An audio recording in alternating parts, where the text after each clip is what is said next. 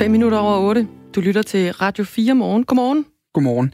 Lige en hurtig lille historie til dig her, Dagmar. Ja, tak. Det er fra sportens verden, øh, men også lidt, øh, lidt med et snit ind i Black Lives Matter. Mm, okay. Øh, fordi øh, det startede jo, det her, de knæler jo mange af dem i øjeblikket. Fodboldspillere over hele verden ser man jo knæle for at støtte Black Lives Matter og ja. Ja. øh, demonstranterne i USA.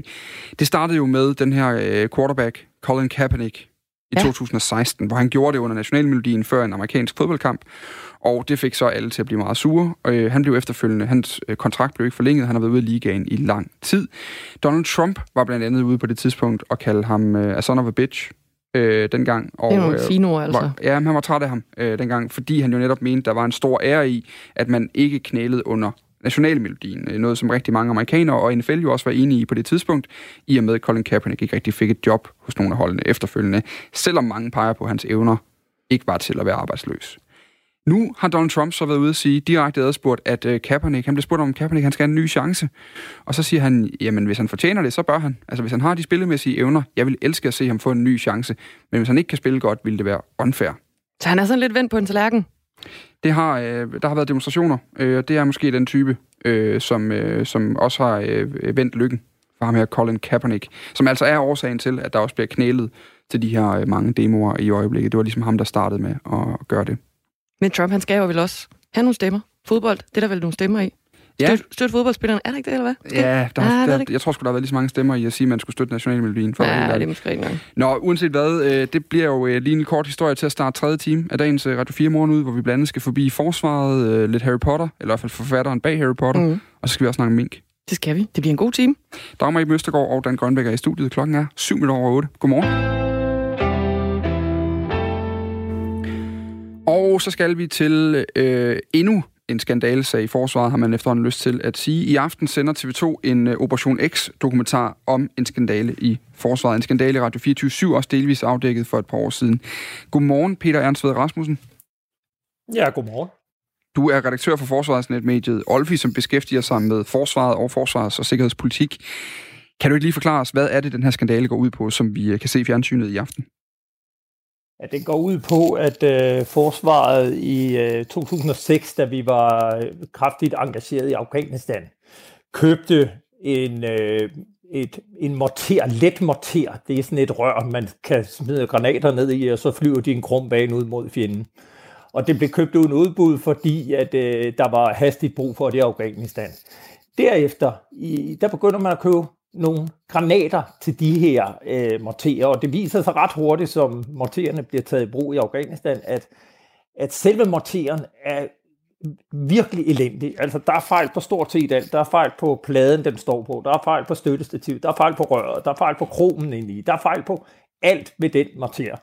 Og i løbet af nogle år, der er 40 procent af alle de morterer, man har købt, ubrugelige. Det samme med granaterne. Altså, der er fejl på brisantgranater, der er fejl på, på lys, der er fejl på røggranater, der er fejl på alle granater, som heller ikke kan flyve de længder, som de skal.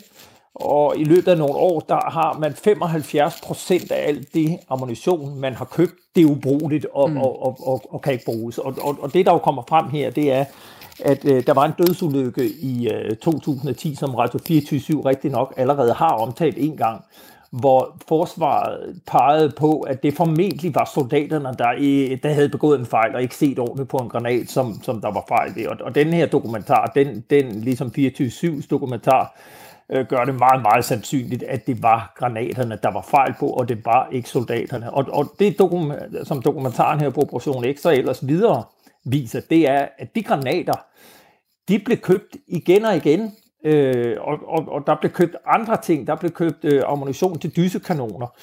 Der blev købt øh, håndvåbenammunition, som, som alt sammen var meget fejlbehæftet, og, og der blev direkte købt ammunition til dysekanoner, som ikke levede op til forsvarets egne standarder, øh, og dermed blev kontrakten annulleret. Og det, der er det meget interessante i dokumentaren, det er, at øh, dem, der købte ind, det var et ægtepar. Ham, der var leder af afdelingen, øh, havde sin kone som sin nærmeste medarbejder. Og øh, alle de her øh, øh, mat- våbengenstande og ammunition øh, er købt af et firma, som hedder Expal, der har base i Spanien, hvor det Mm. her ægtepar har øh, købt et, øh, et sommerhus og tit og ofte rejser ned. Øh, og, og, og, og det er i hvert fald en, en, en dokumentar, der afslører, at, at, at øh, indkøbet af våben og materiel i den afdeling, i Forsvarsministeriets materiel og indkøbsstyrelse, har mildest talt sejlet. Peter Hans Rasmussen, det er fantastisk at have dig med i radioen i til, for du kan udlægge de her ting, og så også fordi vi kan øh, spare nogle af spørgsmålene væk. Øh, så vi fik taget to-tre stykker der i, i første omgang. Men bare lige for at rulle op, så handler det altså om, at der er købt nogle dårlige produkter ind, og der er også en stærk mistanke om, at det kan handle om, at det her ægtepar har, har købt på nogle, nogle i hvert fald nogle øh, lettere øh, lyssky præmisser, kan man sige. Ja, og, og, og jeg kan jo bare, øh, jeg kan jo måske afbryde det der og sige, ja. noget af det, der i hvert fald kommer frem i denne her udsendelse, det er, at, at forsvaret klager jo over noget af det her ammunition, der er så elendigt. Og, øh, og, og, og, og der, der inviterer øh, udbyderen så Materiel- Indkøbsstyrelsen til et møde, som skal foregå på gourmetrestauranten Kong Hans, der har en Michelin-stjerne. Og der er jo en øh, kilde, som både jeg og Operation X har talt med, som står frem i det her program, og siger, at hans chef øh, kommer til ham og fortæller, at, øh, at, at, at han skal med på Kong Hans, fordi de skal ind og, og have det her møde, og hvor, hvor den her kilde, han hedder Kim Nielsen, han siger, han, han var ikke klar over, hvad Kong Hans, Kong Hans det var, da han finder ud af, at det er en gourmetrestaurant, så siger han til sin chef, jeg skal ikke med derind. Det er et møde, hvor vi skal, hvor vi skal diskutere en reklamation. Mm. Det skal jeg ikke være med til på en gourmetrestaurant. Øh, så han bliver væk, men, men chefen tager ind til møde på Kong Hans, hvor øh, vi ved, at kuvertprisen er omkring 3.000 kroner. Og, øh, og efterfølgende, så var der ikke flere problemer med, med den ammunition, ifølge den chef. Så, så, så det er jo, altså, der er nogle meget, meget interessante oplysninger, der i hvert fald kommer frem om, hvad, hvad der foregår. Og der er jo også juraprofessor Sten Bønsing, der i programmet siger, at, at det er jo direkte bestikkelse, fordi man bryder øh, reglerne for, hvor meget man som offentligt ansat må tage imod, øh, når man går ud og spiser, og, og, og det forhold, at, øh, at det foregår på sådan en restaurant, det er helt uhørt. Peter Hansen Rasmussen, lige en øh, kort note, så skal lige bede dig om at sidde helt stille med, øh, vi har lidt kuren på headsettet, tror jeg, sådan lige lidt krassen en gang imellem, så bare øh, helt, helt stille. Men, men hvor højt går det her op? Fordi vi har jo snakket med dig masser af gange over de seneste øh, måneder omkring øh, forskellige sager, der i forsvaret pegede på en, øh, jeg tror man flere gange har sagt, en usund, eller nogen gik så langt ud af sin syg kultur, øh, der har været. Peger den her sag i samme retning? Ja, det gør den i den grad, fordi man kan sige, at ægteparet her, manden, han øh, anbefaler jo også et, øh, et, et, øh, honorar indgangsvederlag til sin hustru, som han arbejder tæt sammen med, og det bliver godkendt to niveauer op, og det vil sige, at vi er oppe øh, i toppen af Forsvarsministeriets materiel- og indkøbsstyrelse, som jo rangerer lige under departementet, og dermed er vi oppe i forsvarets øverste ledelse, som åbenbart overhovedet ikke ser nogen problemer i, at der sidder en, øh, en, en medarbejder og øh, har sin kone ansat, og de rejser tit og ofte til Spanien og, øh, og køber i øvrigt al ammunition hos, det samme, øh, hos den samme våbenproducent, som bevisligt øh, har leveret noget magtværk. Og, øh, og, og det, historien får os bare til den lange liste af sager, hvor man bare må sige, hvad er det egentlig, der foregår, og, og hvornår er der nogen, der tager ansvar i det system? Og kommer der en, altså i den her sag, tror du, der kommer til at rulle hoveder? Hvad er det egentlig, der foregår? Det er jo det gode spørgsmål. Men hvem er det, der skal stå til ansvar for det hele? Ja, altså jeg må øh, sige, jeg tror ikke, der kommer til at rulle hoveder, fordi det er jo efterhånden blevet hverdag, at der kommer den ene skandale ud efter den anden, og forsvarsministeren har sagt, nu vil hun rydde op. Og hun rydde op ved at sende 500 chefer på kursus i øh, forvaltningsloven, og det tror jeg ærligt talt ikke kommer til at øh, gavne særlig meget. Man kan sige omkring det her, at efter Operation X er gået ind i sagen, så har øh, Forsvarsministeriets materiel og indkøbsstyrelse selv henvendt sig til øh, auditørkorpset og øh, bedt dem undersøge forhold, og, og, og det, der bliver undersøgt, det er jo altså direkte mistanke om, om bestikkelse og korruption. Så, så, så det er jo en ganske alvorlig sag, men, men om der kommer til at ske noget, det tvivler jeg stærkt på, ikke mindst fordi, at øh, en del af forholdene også ligger mere end fem år tilbage, hvor ved de sådan rent juridisk og strafferetligt er forældet. Mm. Lige til sidst, du var lige kort inde på det, øh, Peter Ernst Rasmus, så skal vi lade dig slippe. Øh, Trine Bramsen har jo netop øh, påbudt oprydning i forsvaret, øh, men, men, øh, men hvad er hendes rolle i det her? Hvad har hun af ja, Man kan sige, hun har jo på ingen måde været involveret i det her, fordi hun først tiltrådte øh, i øh, juni sidste år, hvor de her forhold er foregået fra 2010 frem til 2017. Men man kan sige, at hendes ansvar, det er jo at sørge for, at der bliver ryddet op. Og øh, man kan bare sige, at hendes bunke oprydningssager, den fylder efterhånden rigtig, rigtig meget, fordi den både omhandler forhold i hendes, egen, i hendes eget ministerium, i departementet, i de operative styrker, i øh, materielle indkøbsstyrelsen, i ejendomsstyrelsen, i personalstyrelsen. Der er forhold over en bred kamp, og, og, og hun har jo direkte sagt, at øh, det nytter ikke noget at fyre forsvarschef Bjørn Biserup, fordi ladet nedenunder er ikke bedre. Og, øh, og, og, og hendes svar er så at lave kursus til, øh, til 500 chefer. Og, og jeg tror bare, at der er mange, der sidder mistrøstige tilbage og siger, at de havde håbet på en mere handlekraftig minister, og at øh, de her forhold, de går ikke over, før der kommer nye folk op nedefra, som har en anden moral end den ledelse, der sidder bredt i forsvarets øverste kredse lige nu. Tak fordi du var med her til morgen, Peter Ernst Rasmussen. I er velkomne. Redaktør og øh, journalist på forsvarsmediet øh, Olfi, hvor han dækker øh, sikkerheds- og forsvarspolitiske emner. Klokken den er blevet 16 minutter over 8. Og så skal vi til en øh, grænsekonflikt, som måske er gået øh, mange næsen forbi. Det er nemlig mellem Kina og Indien. I den her uge, der er 20 indiske soldater blevet slået ihjel i Himalaya ved grænsen til Kina. Det oplyste det indiske militær i tirsdags, og det skete altså efter et sammenstød med kinesiske soldater i grænseområdet til Kina. Et grænseområde, hvor de to lande siden 1962 ikke har kunne blive enige om, hvor den egentlige grænse ligger. Sidste gang nogen døde i den her konflikt, det var for 45 år siden. Godmorgen Kasper Wigman. Godmorgen daglig leder af Kina-tænketanken Think China ved Københavns Universitet. Det her det er jo ikke en helt ny konflikt. Den har varet i 58 år, og det nye det er så, at der for første gang i 45 år er nogen, der er blevet øh, dræbt i konflikten. Hvad er det præcis, der er sket? Det er man ikke helt klar over, men det er på den her demarkationslinje, der ligger på den her grænse, som man kalder Line of Actual Control, øhm, som både Kina og Indien strides om, hvor grænsen egentlig går. Der er øh, begge sider er begyndt at bygge infrastrukturprojekter langs den her grænse. Indien er i gang med at bygge nogle veje. Det er kineserne også på kinesisk side. Og der har Kina i den sidste tid også ligesom for at imødekomme den her provokation, som de ser det fra indisk side, begyndt at mobilisere flere tropper i nærheden af den her Galvandal, som ligger på grænsen. Og der mener man fra indisk side, at de her kinesiske tropper er gået ind på indisk kontrolleret territorium, og så er det i den her Galvandal, at det er kommet til konfrontation også, hvor at i hvert fald 20 indiske soldater er blevet dræbt, og nok også et vist antal kinesiske soldater er blevet dræbt, fordi at man er kommet op og, og fysisk slås altså med køller og, og grene og, øh, og håndgemæng. Og så er der så nogle af de her soldater, der er faldet ned i dalen og også døde gennem der. Men hvad der helt præcist er, er sket, altså det er der ikke kommet information omkring endnu. Hvad, altså det her område, de nu har været i gang med at øh, diskutere, hvem tilhører i 58 år. Hvad er det, der er ved det område, siden de begge to gerne vil øh, være indehaver af det?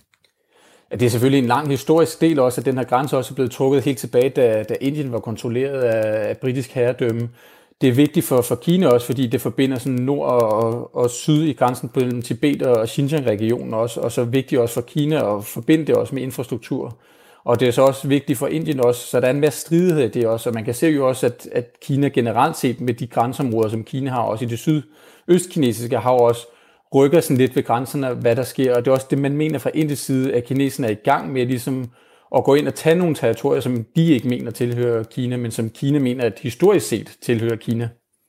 Er der en risiko for på nogen som helst måde, at det her det kan udvikle sig til en, jamen, en regulær krig mellem Indien og Kina? Det tror jeg ikke, der er nogen af parterne, der er interesseret i, og begge sider også været ude ligesom at forsøge at drosle det her ned, også, især også fra kinesisk side, fordi man havde et, et topmøde i går mellem top, den kinesiske topdiplomat Yang Jiechi og så USA's udenrigsminister Mike Pompeo, hvor man også fra kinesisk side, også i statsmedierne, ikke har brugt særlig meget tid på det her, fordi man også ved, at der er en opblusende nationalisme i begge sider, også i, i Indien, og man er nok også bange fra kinesisk side om at overforrykke Indien alt for tæt i armene på USA, også i en tid, hvor Kina er under sådan også et, et udenrigsdiplomatisk pres, hvor man har konfrontationer også med især USA, også lidt med, med Europa, også med Australien, så derfor tror jeg, man også vil være interesseret i, at den her konflikt ikke skal eskalere yderligere, og slet ikke til at blive en decideret militær konfrontation. Hvor, altså, hvor, hvor, hvor stor er den her konfrontation, tænker jeg? Nu er der 20 soldater, der er døde et sted i Himalaya fra, øh, fra Indien. Hvor, hvor stort er det i den her konflikt? Ja, det er jo selvfølgelig stort også, fordi det netop er sidst, at vi skulle tilbage i 70'erne sidst, at der var folk, der egentlig døde. Altså, der har været små skamysler også langs øh, af den her kontrollinje. Så det er selvfølgelig stort, når der er så mange, der dør også fra kinesisk side, eller fra indisk side. Om der så tallet fra kinesisk side, det kommer frem, det ved man så ikke. Der har man fra kinesisk side sagt, at det vil man ikke offentliggøre, for netop ikke at eskalere konflikten og ikke at oplyse til nationalisme i Kina. Men jeg tror igen fra begge parter, man har også indgået nogle bilaterale handelsaftaler også, øh, og Xi Jinping og Modi mødtes også sidste år. Så man er interesseret i, at, at det her det ikke skal eskalere. Men det er selvfølgelig meget alvorligt, det der er sket. Ja, fordi det er altså 58 år, den her grænsekonflikt har været i gang og mellem Indien og Kina. Og for første gang i 45 år, der er der altså i personer, der er afgået ved døden i den her konflikt. Så hvad kommer der så til at ske nu, Kasper Wigman? Jeg tror, at man vil se en, øh, en stigende grad af dialog også. Det er også det, man fra begge sider har sagt, at man gerne vil, vil prøve at løse det her gennem dialog. Begge parter siger så også, at man er klar til at forsvare sit, sit retmæssige territorium også, men jeg er sikker på, at man vil gå en dialog, også fordi der er meget på spil også på Kina i forhold til, at Indien ikke skal gå i armene på USA, så der ikke bliver samlet en, en større koalition af lande, som er utilfredse med Kina. Kasper Wigman, tusind tak, fordi du var med her. Selv tak. Daglig leder af Kina-tænketanken Think China ved Københavns Universitet. Klokken er øh, 21 minutter over 8, og... Øh... Vi skal lige hjem til Putin, tror jeg.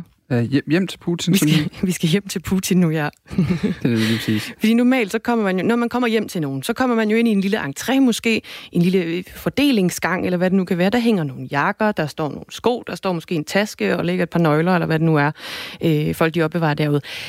Men hjemme ved Putin, der ser ja. det altså lidt anderledes ud, når man kommer ind hos ham. Ja. Fordi den russiske præsident, Vladimir Putin, han har altså fået installeret en helt særlig tunnel i sit øh, hjem uden for Moskva, som gæster de skal gå igennem, mens øh, de oversprøjtes med desinfektionsmiddel.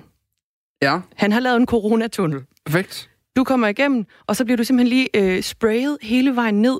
Så det her, det, det er vel sådan noget sprit af en eller anden art, som på en eller anden måde desinficerer, når det rammer tøjet, og når det rammer huden, der hvor, der hvor den nu er eksponeret. Så bliver du lige spritet af, inden du kommer hjem til, øh, hjem til Putin. Ja, det er da det, meget smart. Det beretter øh, det russiske nyhedsbureau øh, RIA om, fordi man kan jo aldrig være forsigtig nok med coronavirus. Så Putin han har simpelthen besluttet sig at øh, få lavet en tunnel.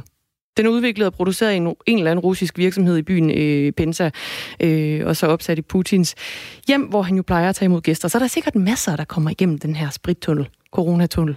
Det kunne man forestille sig. Ja. Altså, det er i hvert fald tidligere, der har øh, Putins talsmand Dmitri Peskov jo forklaret, at øh, alle, der møder Putin, skulle testes for coronavirus. Nu er man så lige gået skridtet videre for at være, være helt sikker på, at øh, han ikke bliver ramt af noget, øh, Vladimir Putin derovre. Øhm, inden vi går videre til næste historie, damer, så skal mm. vi lige, øh, lige faktisk lige svare på et spørgsmål, for der er en, der skrev her, øh, hvor kan man se den udsendelse om Forsvarsministeriet? Synes, I kom lidt hurtigt ud af indslaget, men meget spændende. Det er Brian, der skriver, og der har jeg lige været inde og lige finde øh, på tv-oversigten, det er altså i, øh, i aften, og det er klokken 20 på TV2, du kan se øh, Operation X fejlskud i forsvaret, som vi talte om med øh, Peter Ernstved Rasmussen. Hvis du skal have øh, perspektivet på det, så kan du lige gå ind og finde øh, Radio 4 morgen øh, i dag. Udsendelsen er på podcast senere, så kan du høre interviewet med Ernstved Rasmussen cirka klokken 10 minutter over 8. Du kan gøre ligesom Brian han gjorde. Du kan også sende en sms herind. Det gør du på 1424, så skriver du R4 et øh, mellemrum, og så din øh, besked. Nu skal vi øh, kigge øh, mod øh, Nordjylland, fordi Fødevarestyrelsen fandt i går coronasmittede dyr på en minkfarm i Nordjylland, og det betyder, at man nu afliver hele besætningen på 11.000 mink. Godmorgen, Trine Hammer Jensen. Godmorgen. Lektor på Aalborg Universitet, forsker i sygdommen hos mink, og så er du Ph.D. i biologi. Øhm, det her det bliver man sammenlignet til, at vi taler om, øh, om coronavirus i, i Jørgen og så videre. Skal vi være nervøse for coronasmittede mink? Altså som almindelige borger, så øh, mener jeg ikke, der er nogen grund til at være nervøs. Det er selvfølgelig dybt tragisk for de mennesker, det rammer. Øh, men øh, hvis vi overholder regeringens retningslinjer for at undgå coronasmitte, så øh, er der ingen grund til at være nervøs. Hvordan, hvordan er de her mink blevet smittet i det hele taget? Hvor meget ved vi egentlig om, hvad der er foregået der?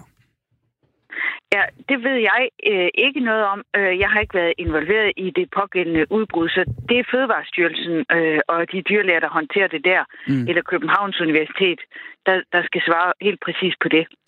Hvad ved vi så generelt om smitte mellem dyr og mennesker, måske særligt øh, mink og menneske, i forhold til, øh, til øh, corona, men også i forhold til andre sygdomme? Altså, hvad er det for en, en smittekæde, der kan være mellem, øh, mellem mink og mennesker der?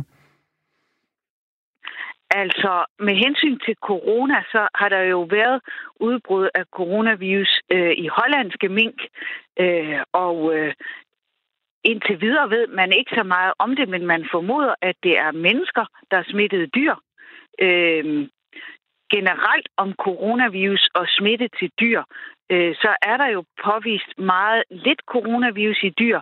Der er lavet nogle øh, eksperiment eksperimentelle studier, der har vist, at kattedyr øh, og ilder kan blive inficeret, og der har været nogle enkelte tilfælde i Vesten af katte øh, og hunde, der er blevet smittet øh, formodentlig fra deres mennesker, men der er ikke noget evidens på nuværende tidspunkt, så vidt jeg ved, øh, der øh, har påvist, at dyr har smittet mennesker. Det er jo anderledes, når man kigger øh, mod Asien, hvor der er de her øh, flagermuse, man mener kan være en kilde, men det er heller ikke videnskabeligt bevist. Men man skal vel, altså, jeg tænker, du siger, man ikke skal være nervøs, øh, men, men alligevel så ser vi, at øh, nogle husdyr, de altså er blevet, blevet smittet med, med coronavirus her i den seneste tid. Hvad for nogle forholdsregler skal man så tage, hvis man nu har et, et hus eller et kæledyr, en eller anden kat, der godt kan lide at, at kravle op i en armkrog eller sådan noget? Så skal man hygge sig med sin kat i sin armkrog, synes jeg. Og så skal man øh, huske regeringens øh, råd om smitteforebyggelse. Øh, det, det, det, nu øh, vil jeg næsten ikke gentage det, eller, men det, det samme med, at er man smittet, så skal man selvfølgelig overholde hygiejne, og er man ikke smittet, er der ikke nogen øh, grund til øh, ikke at kramme sin kat. Det er øh, meget, meget få, altså vi taler, jeg ved ikke, tre til fem katte på, på verdensplan, jeg har læst om. Og så kan der selvfølgelig være flere, jeg ikke har læst om, men det er altså utrolig få tilfælde. Og, og de, de tilfælde, der er beskrevet, det er corona øh, syge mennesker i meget tæt kontakt med deres husdyr. Så øh, retningslinjerne, det er præcis det samme som for mennesker. Lige til allersidst. Og, og i, øvrigt, i øvrigt vil jeg sige, at, at det, der så er øh, med de kattedyr, øh, og, og minkene i Holland også, er, at de er mildt inficerede. De har ikke haft nogen alvorlig sygdom. Nej. Lige til sidst nu, Trine Hammer Jensen, fordi du forsker jo i, i sygdom hos mink, øh, og, og har den her Ph.D. i biologi også, og lektor på Aalborg Universitet. Altså, vi, som du selv er inde på flere gange, det, det er stadig begrænset, hvor meget vi ved øh, om, om ja. det nuværende osv. Hvad, hvad er som forsker, som ekspert i det her, hvad er de store spørgsmål, du stiller dig selv, som du glæder dig til, at, at man et eller andet sted får undersøgt og, og bliver klogere på? Jamen, det, det, er jo, det, det er jo altid virkelig, virkelig spændende, det du er inde på. Hvad er smittevejen, og hvad er mulighederne øh, for at smitte øh, mellem dyrene? Øh, og, hvor, og hvor meget virus udskiller dyrene, når de er smittet, og de kan blive smittet på forskellige måder, og hvordan er udviklingen af antistoffer? Der er mange, mange spændende spørgsmål i det her. Vi håber, vi får svar på dem hen ad vejen. I hvert fald tak ja. for overblikket her til morgen, Trine Hammer Jensen. Selv tak lektor i, øh, i øh, lektor på Aalborg Universitet med øh, forskningsspeciale i sygdomme hos mink og Ph.D. i virologi. Altså med beskeden om, man godt må kramme sin kat eller sin hund, eller hvad for en husdyr man nu har herhjemme. Ja, man skal bare passe, øh, passe på. Øh, I forhold til mink, så kan det jo noget ja. se ud til. Måske.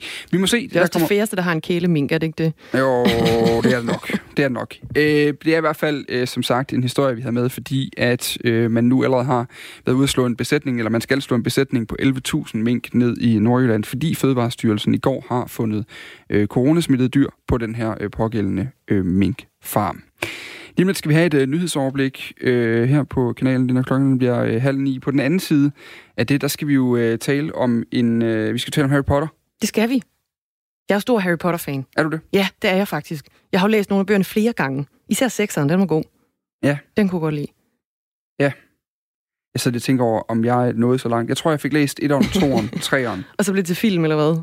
Jamen, jeg har faktisk, ikke, jeg har faktisk slet ikke set filmene, men jeg kan Nej. huske, jeg var meget grebet af bøgerne, dengang jeg var... Øh, jeg, jeg har ikke været så... Jeg kan ikke huske, hvor gammel jeg har været, da de er kommet. Øh, men, men jeg kan huske, at det var øh, den der type bøger, hvor, øh, hvor man satte sig i en stol derhjemme, og for første gang rigtig havde de her læseoplevelser af, at de blæste en øh, helt ja. bagover, hvor man bare slugte den. Øh, det er jo totalt fedt. Ja. Men forfatteren bag er hende, vi faktisk skal, skal, skal snakke om på den anden side af et nyhedsoverblik, det er nemlig J.K. Rowling, som har lagt sig ud med dele af LGBT plus miljøet, og det skyldes altså nogle udtalelser, som øh, forfatteren har delt på de sociale medier. Det handler blandt andet om øh, ham her i Dumbledore, som jo er skoleleder på Hogwarts, hvor Harry Potter jo øh, har sin øh, daglige gang, hvor J.K. Rowling har været ude at sige, at han øh, var i et homoseksuelt forhold, men det siger hun altså på bagkant af, at de her bøger, de er, de er udkommet. Og det skaber altså lige en øh, lille smule utilfredshed hos øh, LGBT plus miljøet, fordi hvordan kan det være, at det nu ikke kom med i bogen? Ah, jackpot. Er det noget med at gøre en fortælling mere politisk korrekt på bagkant? Det er noget af det, vi kommer til at snakke om på den anden side af et nyhedsoverblik, som kommer lige nu. Klokken den er 8.30.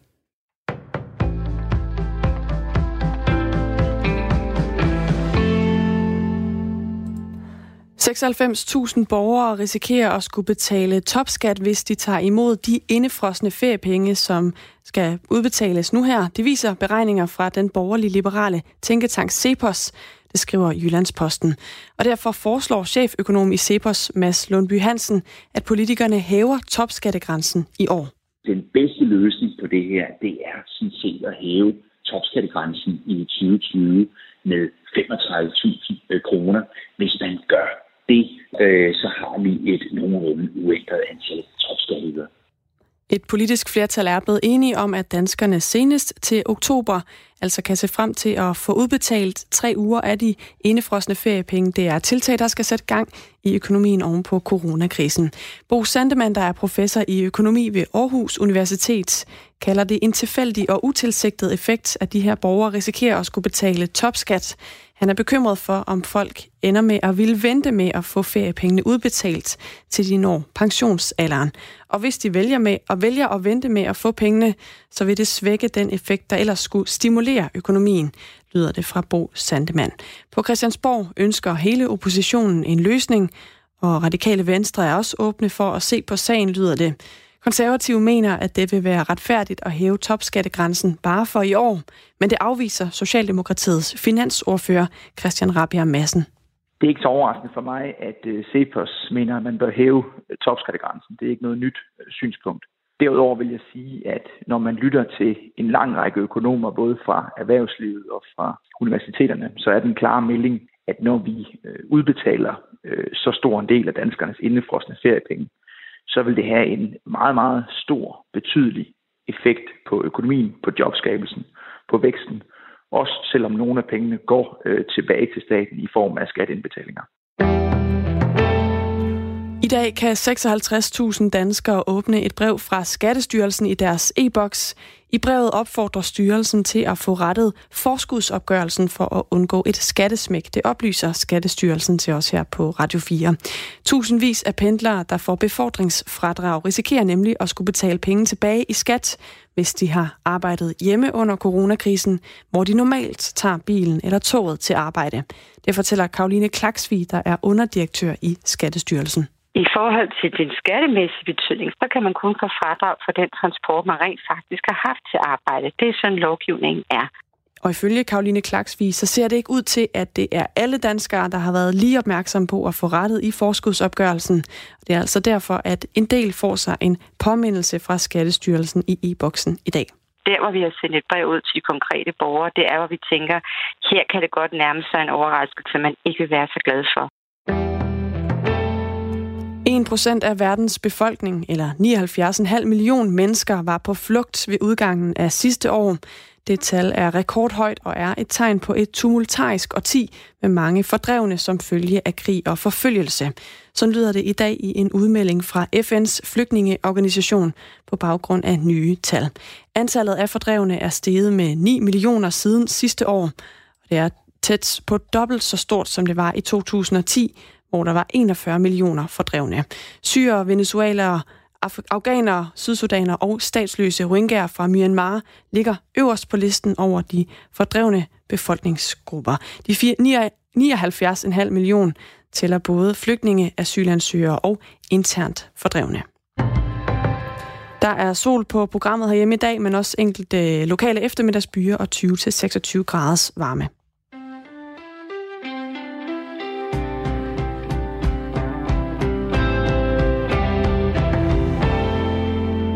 Forfatteren bag Harry Potter, J.K. Rowling, hun har lagt sig ud med dele af LGBT plus miljøet, og det skyldes flere udtalelser, som forfatteren har delt på sociale medier. Hun har blandt andet udtalt, at troldmanden Dumbledore han var i et homoseksuelt forhold med en anden troldmand ved navn Gellert Grindelwald. Det fik flere til at kritisere hende, fordi der altså intet var i hverken bogen eller i de efterfølgende film til at bakke den her påstand op. Derfor så blev hun øh, beskyldt for at ville gøre sin fortælling mere politisk korrekt og øh, mangfoldig, end den rent faktisk er. Derudover så har hun også skrevet på sociale medier, at hvis køn ikke eksisterer, så kan der jo ikke eksistere tiltrækning mellem folk af samme køn. Hvis køn ikke eksisterer, så er den oplevede virkelighed blandt klodens kvinder udslettet. Jeg kender eller jeg kender og elsker transpersoner, men hvis man fjerner køn, så fratager man også mange mennesker muligheden for at have en meningsfyldt diskussion om livet. Det er ikke had at sige sandheden. Hun har også tidligere delt et link til en artikel, som havde overskriften Personer, som menstruerer. Her skrev Rowling en kommentar om, at de personer, som menstruerer, faktisk har et navn, og det er kvinder. Det fik flere til at kalde hende transfobisk. Godmorgen, Mads Hvid. Godmorgen, Mads Hvid. Godmorgen. Der var hul igennem. Så var der hul. Politisk rådgiver hos LGBT plus Danmark, og også stor Harry Potter-fan. Hvad er det lige, der er problemet med J.K. Rowlings udtalelser? Jeg synes i virkeligheden, problemet med hendes udtalelser er, at de, øh, de spiller på sådan nogle opfattelser af transpersoner, som ikke, ikke rigtig værende det køn, de identificerer sig som. Og det, det er ikke bare, at, at det er et problem for måden, vi, vi snakker på. Det er også fordi, at det rent faktisk sætter dem i nogle rigtig træls situationer, når, når transkvinder ligesom bliver fremstillet som sådan nogle mænd, der prøver at skjule sig, eller så videre. Det er også lidt nogle af de forestillelser, hun bygger på i blandt andet det essay, hun har lagt, lagt op siden nogle af sine udtalelser. Øhm, så sætter dem, dem i nogle rigtig farlige situationer. Øhm, og det er særligt det, vi er, vi er uenige i. Jeg tror, der, jeg tror, der er mange ting, jeg er uenig med hendes essay i. Men, øh, men det er særligt det her med, at hun, at hun ligesom fremstiller transpersoner som sådan ikke rigtige. Men synes du så, hun er transfobisk? Altså, jeg synes i hvert fald, at hendes udtalelser bygger på... Altså, fobi er jo i virkeligheden sådan et eller andet med en irrationel frygt, eller en, en ret ekstrem modvilje mod noget, og det er hendes udtalelser i hvert fald. Så hendes udtalelser er transfobiske. Øhm, jeg skal ikke vurdere, om, om, om hun er transfob, men jeg vil, jeg vil helt sikkert sige, at, at måden, hun taler om transpersoner på, er, er transfobisk, fordi den netop bygger på frygt øhm, og, no, og nogle helt irrationelle idéer om, øh, hvad transpersoner øh, er. Men hun, hun siger jo, hvis, hvis køn ikke eksisterer, så kan der jo ikke eksistere tiltrækning mellem folk af samme køn. Hvis køn ikke eksisterer, så den oplevede virkelighed blandt klodens kvinder udslettet.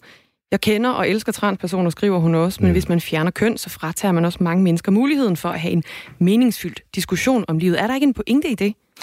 Jo, altså nu synes jeg jo, hun, hun har nogle idéer om, hvordan LGBT-miljøet øh, taler og diskuterer køn. Vi siger jo ikke, at vi aldrig nogensinde må, må snakke om køn. Jeg tror bare, at vi har en idé om, at vi bliver nødt til at snakke om køn på en helt anden måde.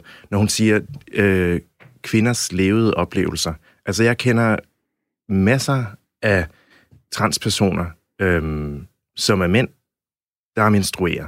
Og det er bare for ikke at gøre, gøre sådan helt diskussion sådan reduktiv og sige, kvinder er en meget, meget sådan snæver definition af, hvad hun synes, kvinder er. I virkeligheden vil vi jo gerne åbne snakken op, i stedet for at lukke den ned, som vi synes lidt, hun gør i forhold til den her øh, diskussion. Er det, fordi hun udelukkende snakker ud fra de biologiske køn, eller hvad? Ja, eller andet sted. Altså, ja, i virkeligheden, så kan vi snakke om biologisk køn herfra. Øh, der, der er en masse andre diskussioner omkring det. Men ja, i virkeligheden, altså når hun definerer køn inden for nogle meget, meget snævre rammer, som, det er ikke fordi, at hun ikke godt må have den debat. Vi kan jo bare se, at de snævre rammer passer ikke på os. Altså, kvinder, eller personer, der menstruerer, er ikke kun kvinder, og det er ikke noget, vi bare sådan har fundet på. Det er fordi, at vi er omgivet af masser af mennesker, der ikke passer ind i den definition. I vil gerne åbne den her debat op. Hvordan er det lige, den skal åbnes mere op? Det er jo blandt andet ved, at vi tager sådan en debat her. Øh, at vi snakker om, hvad betyder køn, og hvem har ret til at definere køn. Altså, jeg synes jo, det er interessant, at, at hun siger det her med, at det, skal, det er ikke en forbrydelse at sige sandheden. Men, men så et eller andet sted lidt tager patent på, hvad den sandhed betyder. Og det er bare ikke en sandhed, som afspejler den virkelighed, øh, som vi lever i. Men er der ikke en sandhed i, at der findes biologiske køn? Mm, nej, altså det, igen, det, kom, det kommer an på, hvordan, hvordan du definerer tingene. Altså sådan en, en transkvinde, som er kvinde, er jo en, siger vi jo, hun er en kvinde, og den krop, hun har, er, en kvindekrop, så derfor vil vi gerne sætte, vi vil i hvert fald gerne sætte spørgsmålstegn ved den definition af, hvad en biologisk kvindekrop er. Fordi en transkvinde har en kvindekrop, og den er biologisk, som den nu engang er. Men så er det jo, en, kan man så sige, at det er en, en biologisk mandekrop? Nej, det vil jeg ikke sige. Skal man så skælne de to ting? Altså, at man har det her med, at man har et, måske en, et køn, man føler sig som, og et køn, man mm. biologisk er? Nej, det synes, jeg, det synes jeg igen, jeg synes, det reducerer hele debatten om, hvad køn er. Jeg synes heller, i virkeligheden synes jeg heller ikke, det er det mest interessante. Men nuancerer det det ikke netop, hvis man splitter det op? Altså ja. gør det det så ikke mere nuanceret? Nej, det synes jeg bestemt ikke. Fordi en transkvinde har ikke en biologisk mandekrop. Hun har en kvindekrop, fordi hun er en transkvinde. Og det synes jeg sagtens, vi kan snakke om. Jeg kan godt forstå, jeg skal bare lige sige, jeg kan godt forstå, at øh, der er kvinder, som synes, det kan være træls, øh, hvis de er født med øh, den krop, de også føler passer til deres øh, oplevede køn. Altså, de er født med en... Øh, de menstruerer, for eksempel. Og jeg kan godt forstå, at det er træls, hvis at de synes, at øh, den skal bare, de skal, deres krop skal bare snakkes om som en krop, der menstruerer. Det kan jeg også godt forstå at træls. Og så må vi finde noget sprog, som er mere dækkende eller mere sådan respektfuldt omkring det. Men jeg synes ikke, løsningen er at sige, at transkvinder i virkeligheden gemmer på en mandekrop, fordi det er ikke det, der er tilfældet. Vi øh, taler lige nu øh, med øh, Mads Hvid, som er politisk rådgiver hos øh, LGBT øh, plus øh, Danmark, og øh, derudover også stor Harry Potter-fan. Mads, er det ikke rigtigt? 100 procent. Og vi kan jo lige sige, at uh, J.K. Rowling, som jo har skrevet Harry Potter, øh, der mm. den her nuværende krise er jo lidt kulminationen på mange års, i hvert fald spændinger mellem hende og de mest politisk engagerede fans. Øh, ja. De her bøger, bøger de har solgt over en halv milliard eksemplarer på verdensplan. De er oversat til 78 sprog. Der er skrevet syv af dem, og de er alle sammen blevet filmatiseret. Det anslås, at den her J.K. Rowling er god for omkring en milliard amerikanske dollars. Ændrer de her udtalelser, de her syn, som hun giver udtryk for, øh, noget på den måde, du læser bøgerne på, Mads Hvid? Jeg synes, det, er, det synes jeg er helt vildt spændende, og det er jo det er en debat, vi har på alle mulige områder lige nu, det der med, om kunstneren kan, kan sådan ses øh, væk fra, fra kunstværket. Jeg tror, at, at nogle af de her debatter har gjort mig opmærksom på, at jeg læste bøgerne og, og ikke lagde mærke til, at det er, de, er, de er ikke super repræsentative, slet ikke for et britisk samfund, som jo er, er ret multikulturelt og fyldt med personer, som ikke passer ned i normer for køn og seksualitet. Og det repræsenterer de ikke særlig godt. Og så kan jeg godt forstå, at folk er blevet lidt sure over. Så har hun lidt sådan løbet efter og sagt, når man Dumbledore var øh, homoseksuel og så videre og så videre. Øhm, jeg synes ikke, jeg elsker bøgerne, og det, det tror jeg altid vil gøre. Jeg tror, det har betydet rigtig meget, meget for mange LGBT plus personer faktisk. Øhm, men jeg synes, det er værd at, at lægge mærke til, at, øh, at de ikke er super repræsentative øh, for det samfund, de er, de er skrevet Gør, gør det det så dårligere bøger? Nej, det synes jeg ikke. Så kunne vi egentlig godt tænke os lige runde af her nu, mm. fordi det, det, er, og det er altså en nu kan jeg sige, nu har vi sendt øh, på den her kanal i øh, snart, øh, er i hvert fald 10 måneder efterhånden nu, øh, og det er et af de her emner, når vi taler om køn, når vi taler om seksualitet, så er der øh, masser af reaktioner på det, mm. vi snakker om, Mads Hvid. Og der, ja. øh, og der kommer jo... Øh, jeg vil lige læse to op her, så lige have din, øh, din, din tilgang til det. Ja. Øh, der er en, der skriver her, det er sjovt, han nævner menstruation, for netop det definerer kvinden og gør en markant forskel på mænd og kvinder. At hæve det, der findes mere end to køn, er biologisk ukorrekt og derfor løgn.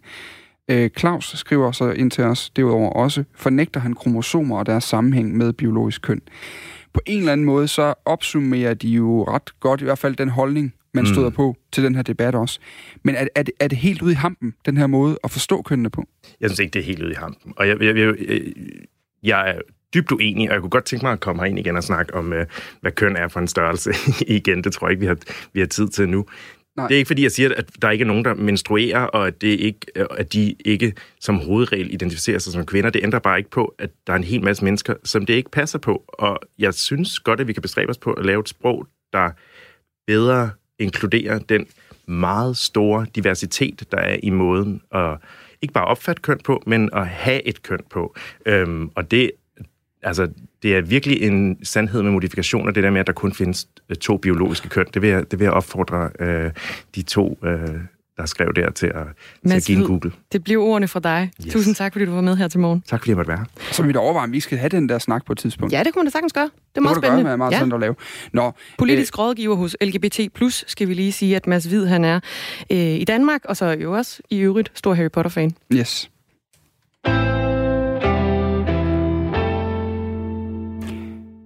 Du har en søn, ikke? Jo, Dan? det har hvor, gam- hvor gammel er han? Han er lige lidt over to.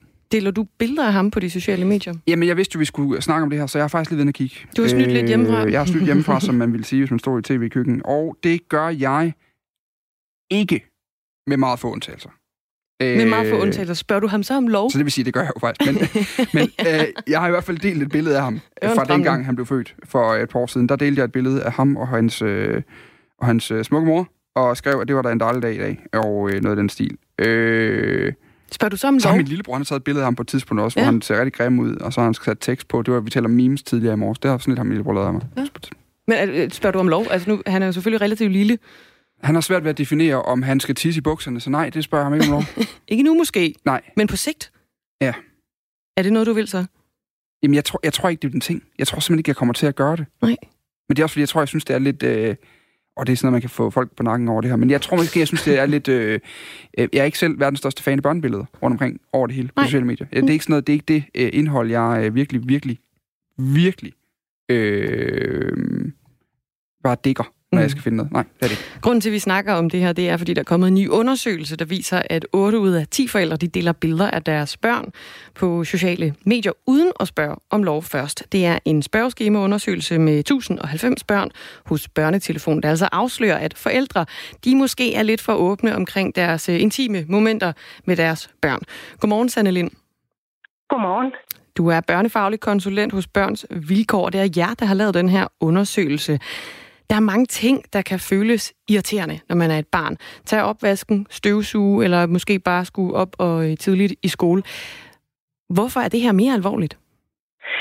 Jamen, det her er jo alvorligt, fordi hvis ikke vi taler med vores børn omkring, hvad god etik er på øh, de sociale medier, jamen så, øh, så kan det jo være svært at hjælpe dem. Og øh, vi er jo øh, rollemodeller som forældre, og vi skal vise dem vejen frem, og det skal vi også i det her. Så, øh, så derfor er det rigtig vigtigt, at vi dels viser, at vi respekterer dem, og at hvis de siger nej tak til, at de ikke har lyst til, at vi voksne deler billeder af dem, så skal vi, øh, så skal vi lade være. Men det er også vigtigt, fordi at vi skal hjælpe dem med, at de skal blive ansvarlige brugere, og de skal øh, blive gode til at spørge om lov, når de deler billeder af deres kammerater. Ja, for, fordi hvad kan den negative konsekvens være af, at forældre deler billeder af deres børn uden at spørge børnene? Jamen altså, det kan jo føre til, at, øh, at de, der, de her børn, de lukker ned for dialogen, og de har, vi har bare rigtig meget brug for at tage mange gode snakke, fordi der er mange faldgrupper inden for det her med at være digital og være, øh, være på medier. Så, så hvis vi ikke viser dem den respekt, hvis vi ikke respekterer, at selvfølgelig skal vi snakke med dem om det, så, øh, så kommer de måske heller ikke til os, når de har brug for hjælp til at vende nogle ting. Så derfor er det rigtig vigtigt, at vi snakker med dem om det, og at vi respekterer, hvis de siger nej tak til at fordele billeder. Så Sanne Lind, helt kort her til sidst. Hvornår kan og skal man snakke med sit barn om det her? Jamen altså, små børn, de kan nærmest swipe, før de kan gå, ikke? Så, øh, så lige så snart, at de får en mobiltelefon i hånden, og de begynder at interessere sig for at tage billeder, så skal vi jo selvfølgelig tale med dem om, hvad der er god etik omkring det at tage billeder, og hvad det er for en ansvar, man har. Øh, og så skal vi respektere deres valg. Så, så tidligt som muligt. Så tidligt som muligt. Helt, og så lige Ja. helt kort. øh, Nu, jeg har jo den der strategi med min toårige generelt bare, måske ikke at lægge billeder op. Er det ikke bare det bedste? Ja. Vær sikker. Altså, vi forstår godt, at øh, nogle forældre synes, at øh, deres børn, at det synes alle forældre, deres børn er det mest fantastiske, fantastiske, de har. Så, øh, så vi, har, vi kan godt forstå, at nogen vil dele billeder, men vi synes, det er en rigtig god idé at have sådan en, øh, gøre det med omtanke og være lidt kritisk og give sin privatindstilling sådan et ekstra gennemsyn, så man, så man overvejer, hvem er det, man deler billeder med, og måske skal man lade være at lægge dem offentligt alle steder, for vi kender jo ikke konsekvenserne af det her endnu. Så en rigtig god idé at være lidt kritisk omkring det jo. Sanne Lind, tusind tak, fordi du var med. Velkommen. Børnefaglig konsulent i øh, Børns Vilkår. Klokken den er 11 minutter i 9. Og så tager vi for anden gang den her morgen lige en tur til USA til en ekstremt interessant historie, som fylder øh, meget derovre nu, især i lyset af de verserende øh, konflikter, der er i mange amerikanske byer. I Palmdale, en øh, by, der ligger i Kalifornien, så man øh, for, så forbipasserende den 10. juni en sort mand hænge fra et træ uden for rådhuset. 24-årige Robert Fuller var død, og efter tre dage, der konkluderede det lokale politi, at der var tale om selvmord. It appears that Mr. Fuller has tragically died by suicide. A full autopsy. Som man kan høre her, bliver der buet af Palmdale sheriff, han hedder Ron Schaffer, og der var højlytte protester fra Robert Fullers familie, der ikke mener, han var selvmordstroet. Her er det hans øh, søster, som hedder Diamond Alexander. Was not suicidal. Come on, there it is. He wasn't. Min bror øh, var en overlever, sagde Robert Fullers søster derudover. Tidligere på morgen her i Radio 4 Morgen, der snakkede vi med radiovært her på Radio 4, Stine Krohmann Dragsted, der lige nu befinder sig i USA. Og hun fortalte os, hvorfor Robert Fullers familie og mange andre borgere i Kalifornien, de frygter, at der altså ikke er tale om et selvmord. De synes, at det er nogle underlige omstændigheder, at Robert Fuller øh, er død under. Altså øh, for det første det her med, at han skulle have hængt sig det her meget offentlige sted. Altså hvor, hvor usædvanligt det er, at man, hvis man begår selvmord, vælger at hænge sig selv foran et rådhus. Øh, de har undret sig over, at der ikke er blevet fundet nogen stol eller noget, han måske skulle have brugt for at kunne hænge sig selv. Øh, de spørger, hvorfor der ikke er fundet optagelser, videooptagelser fra overvågningskameraer. Øh, det siger myndighederne, at man ikke har, men det er jo, der er altså et rådhus, der er en kirke, der er forretninger i nærheden. Øh, grundlæggende så stiller familien det her spørgsmål, er det fordi, at en sort amerikaner som Robert Fullers liv bliver betragtet som mindre værd, at politiet ifølge dem ikke har efterforsket den her sag grundigt nok. Og det er jo et spørgsmål, som resonerer med befolkningen, ikke bare i Kalifornien, men rundt om hele USA, der jo lige nu stadig demonstrerer for sortes rettigheder og, og imod racisme. Og Robert Fuller, han er altså ikke den eneste sorte mand, der er blevet fundet hængende fra et træ i en offentlig park. 10 dage før Fullers død, der blev den 38-årige Malcolm Hash fundet hængende i et træ uden for byen Victorvilles Bibliotek, en by, der ligger bare 80 km fra Palmdale. Hvad ved vi om de her to sorte mænd, sine Roman Dragsted? Ja, altså Malcolm Harris, som altså er den første, der blev fundet hængt i et træ, igen et offentligt sted ude for et bibliotek. Han boede i en teltlejr for midlertidigt hjemløse tæt ved det her bibliotek, Øh, fam, hans familie, øh, der, der de fleste af dem bor i Ohio, øh, altså ikke i Kalifornien, de siger, at de blev, de, da de blev kontaktet af politiet, så var politiets spørgsmål meget fokuseret på, om Malcolm her, om han havde haft alkohol- og stofmisbrugsproblemer. Øh, der blev også talt om, at coronakrisen jo betyder, at der kan være flere selvmord. Men hans familie holder også på, at Malcolm ikke var deprimeret, at han ikke virkede som en mand, der ville begå selvmord, også selvom han havde nogle problemer i sit liv. Robert Fuller, altså den 24-årige unge mand, der blev fundet 10 dage efter, hans familie og venner beskriver ham som en rolig og glad øh, ung fyr, som elskede musik og videospil, holdt sig for sig selv, og kun få dage før han døde, der var han med til en Black Lives Matter demonstration, og det er også derfor, vi hører hans søster Diamond Alexander sige, han var en overlever, han var en, der ikke ville give op. De her to sorte mænd, de bliver altså fundet hængende døde i, øh, i træer med 10 dages mellemrum, ikke ret langt fra hinanden, bare 80 kilometer. Hvor usædvanligt er det? Det er enormt svært at sige, men det vi kan sige, det er, at USA er et af de vestlige lande, der har den højeste selvmordsrate. Altså ikke mindst øh, blandt hvide og sorte mænd, øh, der er der mange, der begår selvmord, hvis vi sammenligner med andre øh, højindkomstlande. Øh, og selvom de fleste sorte mænd, øh, der begår selvmord her i USA, de skyder sig selv, de bruger øh, øh, skydevåben øh, til at begå selvmord, så er hængning det næst mest brugte øh, metode. Øh, det er også rigtigt, at der under coronaepidemien har været mange flere selvmord, også blandt sorte amerikanere og andre minoriteter, som jo er den del af den amerikanske befolkning, der er blevet hårdest ramt af, af både sygdommen og også de økonomiske konsekvenser. Men i et land, der lige nu er i oprør over rasuroligheder, øh, over problemer med politiet, så kommer der jo nu pludselig fokus på den her slags sager også, og om politiet efterforsker dødsårsagen ordentligt. Og det, som en demonstrant øh, sagde til radiokanalen NPR herover, det var, hvis en 24-årig hvid mand var blevet fundet hængt uden for et rådhus, så ville der være blevet grænsket i det, og der havde været ramaskrig. Nu har myndigheder i øh, Palmdale jo så meldt ud, at de øh, trækker konklusionen om, at den 24-årige Robert Fuller, han øh, begik selvmord. Den trækker de tilbage. The initial report appeared uh, to be consistent with a suicide, um, but we um, felt it prudent uh, to to roll that back uh, and continue to to look deeper. Vi vil kigge nærmere på sagen, siger Jonathan Lucas, Palmdales retsmediciner, altså her. Også øh, politiet og FBI, de siger, at øh, de vil kigge på, kigge på sagen. Og både øh, politiet og FBI, de siger altså som sagt, det her med, at de vil undersøge sagen nærmere nu, Stine Krohmann Dragsted. Der er, der er flere borgere i de her to byer, der ligefrem mener, at de to sorte mænd, de blev lynchet på grund af deres hudfarve. Vi kan lige prøve at høre et eksempel her fra to sorte kvinder fra byen, som CNN har talt med. They're lynching our black children. For a black man to be hung in a tree near City Hall, that's a message. De lyncher vores sorte børn, og øh, for en sort mand at hænge i et træ ved rådhuset, det er et budskab, bliver der sagt her. Prøv lige at forklare, Stine Krohmann Dragsted, hvem det er, folk tror kunne have lynchet de her sorte mænd, og, og hvad det er for en historie om, om lynching i USA, der ligger bag den her frygt. Ja, men der er mange, der mener, at der ligefrem kunne være tale om en hadforbrydelse. Altså, at de, de her to mænd øh, kan være blevet øh, øh, dræbt, øh, også måske på anden vis, og så blevet hængt op i et træ øh, bagefter, øh, sådan som man netop øh, igennem historien har lynchet øh, sorte amerikanere. Øhm, der er sket en, had, en stigning i hadforbrydelser mod sorte amerikanere øh, gennem øh, den tid, Trump har været præsident. Øh, der har ikke været øh, øh, lynchinger, så vidt som, som jeg ved, ikke noget, der har været offentligt kendt. Øhm, og vi skal lige sige, det er jo et meget lille segment i USA, øh, der kæmper stadigvæk for vidt overherredømme.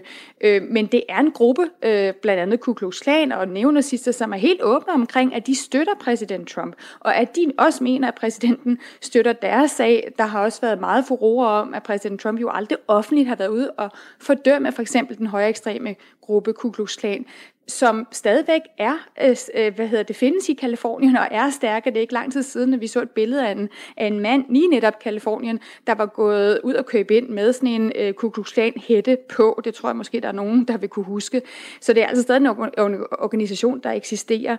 Men altså, øh, det, det er jo en arv, som det hvide USA bærer rundt på, når det gælder lynchinger af sorte. Altså, øh, i to til tre sorte amerikanere blev lynchet hver uge i sydstaterne fra slutningen af 1800-tallet til starten af 1900-tallet. Altså over 4.000 mennesker i den her periode. Mange var unge mænd og drenge, og de fleste blev jo netop hængt i træer. Så det har en meget stærk symbolik, og vi skal også lige huske på, at den sidste kendte lynchning fandt altså sted helt frem i 1981 i Mobile, Alabama, og det var en 19-årig Michael Donald, som helt tilfældigvis blev taget af netop Ku Klux medlemmer og taget og hængt i et træ.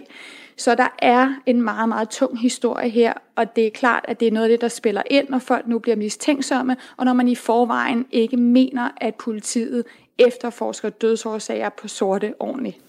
Ja, sådan lød det altså fra Stine Krohmann Dragsted, der var med os tidligere i øh, morges fra øh, direkte fra USA om den her sag med to sorte mænd, der er blevet fundet hængende fra, øh, fra træer i USA.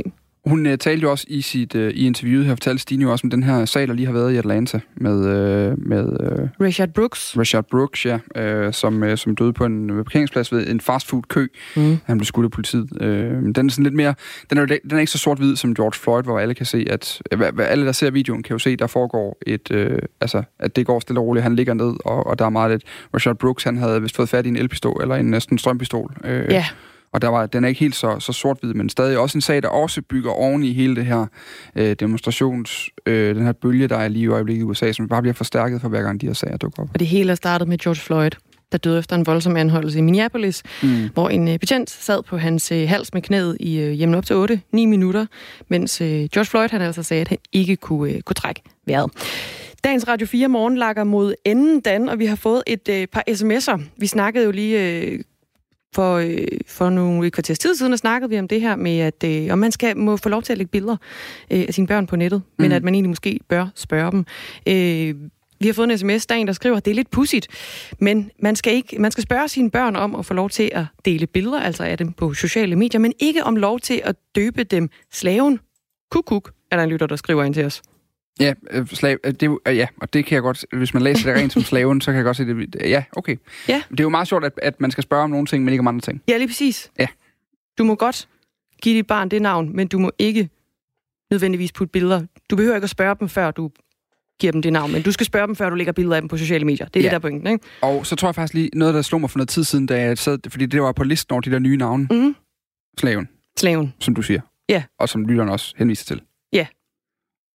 Og det er jo igen et af de øh, fantastisk mange punkter i livet, hvor det bare giver rigtig god mening og god ræson og et dejligt perspektiv, at man er fodboldfan. Ja.